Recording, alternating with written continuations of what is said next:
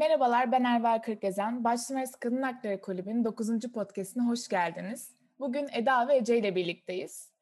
Ee, aslında Eda ve Ece'yi biraz kendilerinden dinlemek istiyoruz. Biz tanıtmak istemiyoruz. O yüzden ben direkt Eda ve Ece kimdir ve bu e, ilişki nasıl başlıyor ve nasıl ortaya çıkıyor biraz merak ettiğimiz için sormak istiyoruz. Merhabalar. Merhaba, ben Ece. Ben Eda. Ee, ben 21 yaşındayım. Fransızca öğretmenliği okuyorum Anadolu Üniversitesi'nde. Ee, müzikle uğraşıyorum, oyunculukla uğraşıyorum. Bu şekilde. Ben Eda, 25 yaşındayım. Fashion Business okudum. Fransa'da üniversiteyi bitirdim. Şimdi bir moda markası üzerinde çalışıyorum. Aynı zamanda hobi olarak modellik yapıyorum. Evet. Şimdi nasıl tanıştığımıza ve e, nasıl sevgili olduğumuza gelirsek eğer. Dediğim gibi ben Fransızca öğretmenliği okuyorum ve bölüme geçtiğimde e, Fransızcamı iler, ilerletmek için birileriyle böyle konuşmak istedim, yazışmak istedim. Sonra Instagram'da Eda'nın profiliyle karşılaştım ve tabii ki de hemen bir stalkladım. Sonra gördüğüm kadarıyla zaten Fransa'da okumuştu ve bir Türktü. Dedim ki tamam süper. Tamamen benim konuşabileceğim biri olabilir. Sonrasında mesaj attım. Geri dönüş beklemiyordum açıkçası. Görmez diye düşünmüştüm ama gördü. Sonrasında biz Fransızca konuşmaya başladık. Sonra o çok ani bir şekilde Eskişehir'e geldi. Bir gecede falan. Aynen bir gecede, gecenin bir yarısı Eskişehir'e geldi. Bu şekilde yüz yüze görüşmüş olduk. Sonra tabii o İstanbul'a dönünce ikimiz de çok üzüldük falan. Sonra ben İstanbul'a gittim yanına. Sonra zaten sevgili olduk. Ben Eskişehir'e dönecekken pandemi patladı. Şehirler arası kapatıldı. Biz eve zaten hapsolduk. İki buçuk ay falan böyle. Aynen iki buçuk ay zaten evde hapistik yani. Bu şekilde ilişkimiz başlamış oldu. Tam bir pandemi aşkı diyebiliriz. Evet aslında öyle gerçekten de öyle bir e, pandemi aşkı olmuş ve peki yani bu pandemi döneminde sizin için nasıl geçti? Yani e, evet güzel bir aşk yaşıyorsunuz ve güzel bir tanışma olmuş aslında ama bunun dışında pandemi size ne verimler kattı, ne aldı, ne götürdü? Biraz da pandemiyle ilgili aslında soralım dedim. Yani şöyle biz pandemi başladığında bir anda böyle çok yoğun bir spora başladık. Aşırı yani abartılı bir şekilde sıkı böyle diyet demeyeyim de çok sağlıklı beslenmeye başladık. Her gün koşu yapıyoruz. Koşudan sonra kahvaltımızı sağlıklı yapıyoruz. Sonra gidiyoruz bir daha işte daha bir ağır bir antrenman yapıyoruz falan. Kitap okuyoruz. Akro yoga yapıyoruz. Hani çok dolu geçti. O kadar hızlı geçti ki o iki buçuk ay. Nasıl geçti bilmiyorum yani. Evet sonrasında zaten sporumuza ve sağlıklı beslenmemize devam ettik. Bu bir rutin haline geldi. Sonra işte yeni yeni kitaplar okumaya başladık. Bu çok hoşumuza gitmeye başladı. Yeni yeni filmler keşfettik falan. Yani aslında evde kalmak bize birçok şey katmış olabilir. Evet aslında gayet verimli geçirmişsiniz yani. Pandemi size gerçekten güzel şeyler katmış. evet.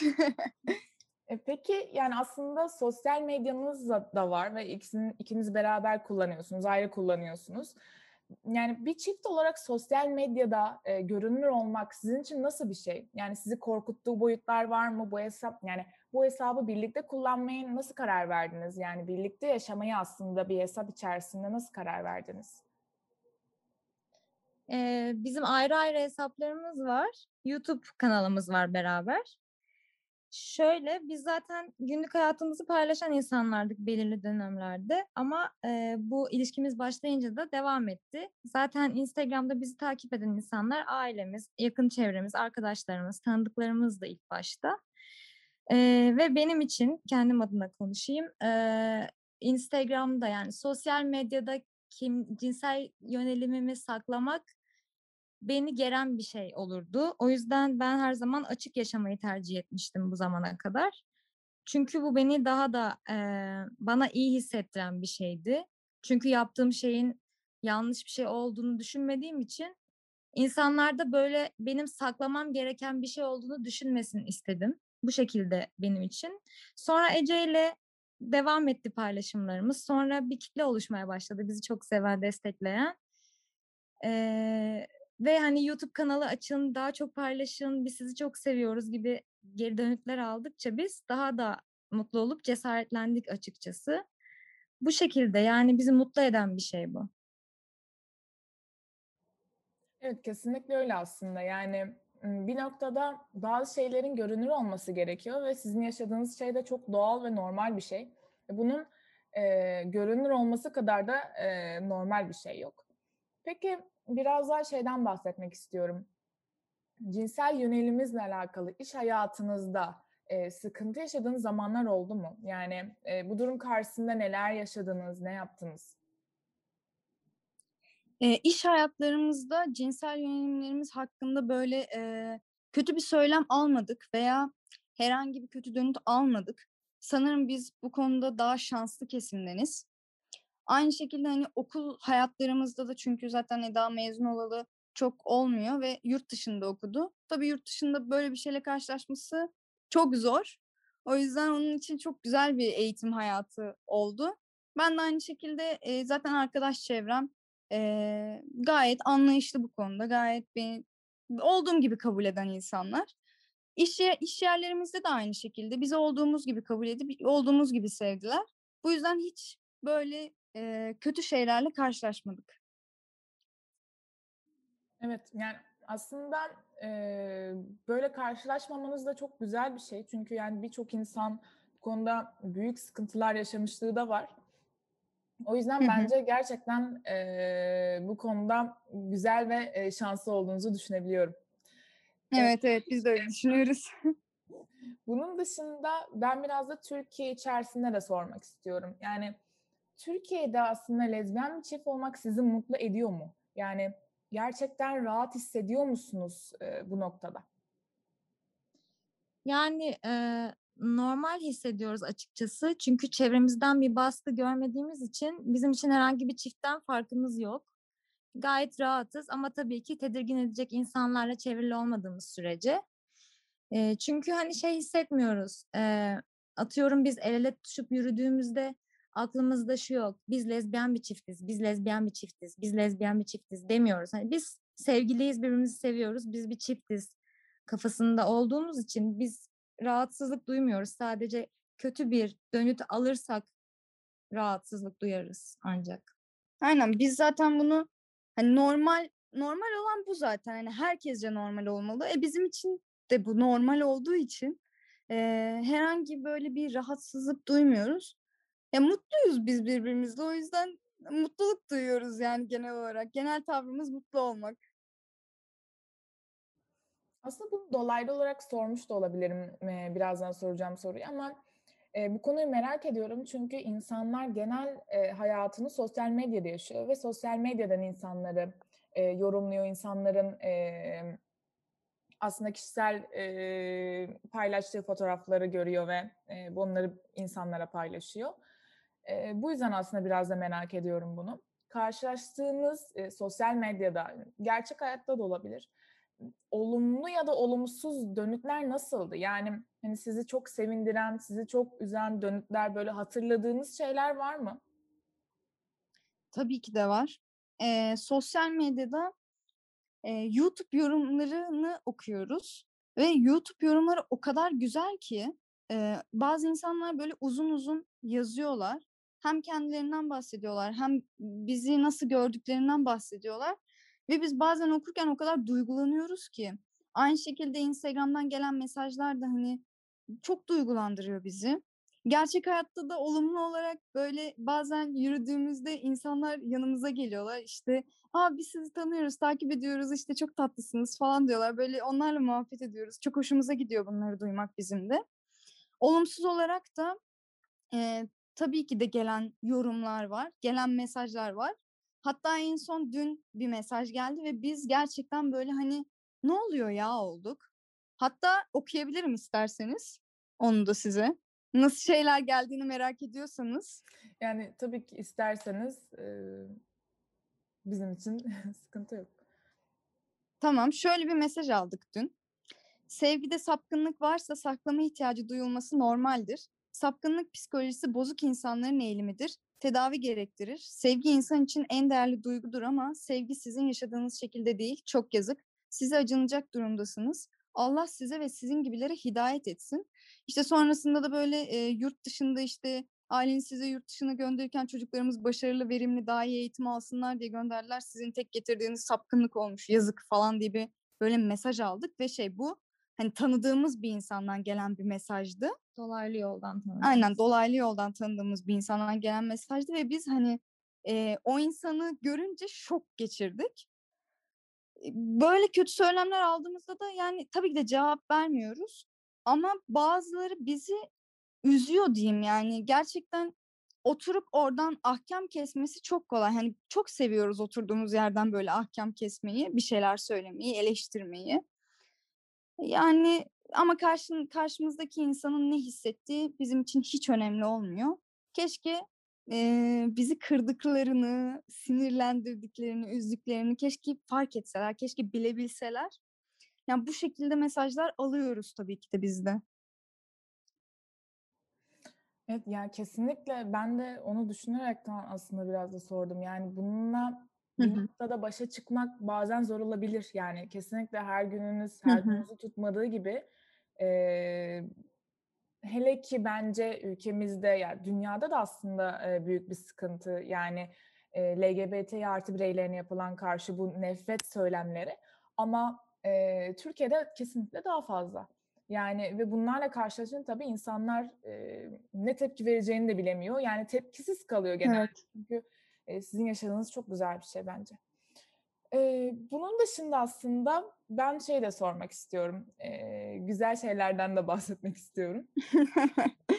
Diğer çiftlere de aslında bir örnek olduğunuzu düşünüyor musunuz? Yani size böyle geri dönüş yapan insanlar var mı? Hani biz de sosyal medyada kendimizi daha çok görünür e, ve görüntü olarak da paylaşmak istiyoruz diyen e, geri dönüş yapan insanlar oluyor mu? Ee, oluyor. Biz de bazı şöyle mesajlar alıyoruz. Mesela işte biz de sevgilimle çok mutluyuz ama e, kendimizi gösteremiyoruz. Umarız e, bir gün bizim de fotoğraflarımız olur sosyal medyada. Umarız biz de bir gün sizin gibi oluruz diyen sanırım bizden yaşı daha küçük olan e, kızlar oluyor özellikle. Çok mutlu oluyoruz örnek oluyorsak onlara tabii ki bir şeyi değiştirmek anlamında söylemiyorum. Hani zaten yönelimi böyle olan insanlardan bahsediyorum. Çünkü insanlar bunu şöyle de algılayabiliyor. Özendiriyorsunuz, şöyle yapıyorsunuz, böyle yapıyorsunuz. Ama aslında olay özendirmekten çok daha uzak bir şey. Kesinlikle aslında özendirmek gibi bir kavram oluşmuyor aslında. Görünür olmak ve biz de varız e, kavramını aslında görüntüleştirmek gibi bir şey bu. Evet. Bunun dışında e, zaten yurt dışına da bağlantınız olduğunu biliyorum. E, zaten siz de söylediniz. Peki yurt dışında da e, yaşadığınızda, gittiğinizde e, gerçekten Türkiye'den daha mı özgür hissediyorsunuz? Yani oradaki peki algı nasıl? Ee, dediğim gibi Fransa'da okudum üniversiteyi ve hani e, Paris şehrinde orada tabii ki çok daha böyle şeyler açık. O yüzden hani yurt dışında gezmek ya da yaşamak Türkiye'den çok daha rahat hissettiriyor. Çünkü kafa yapısı çok daha farklı.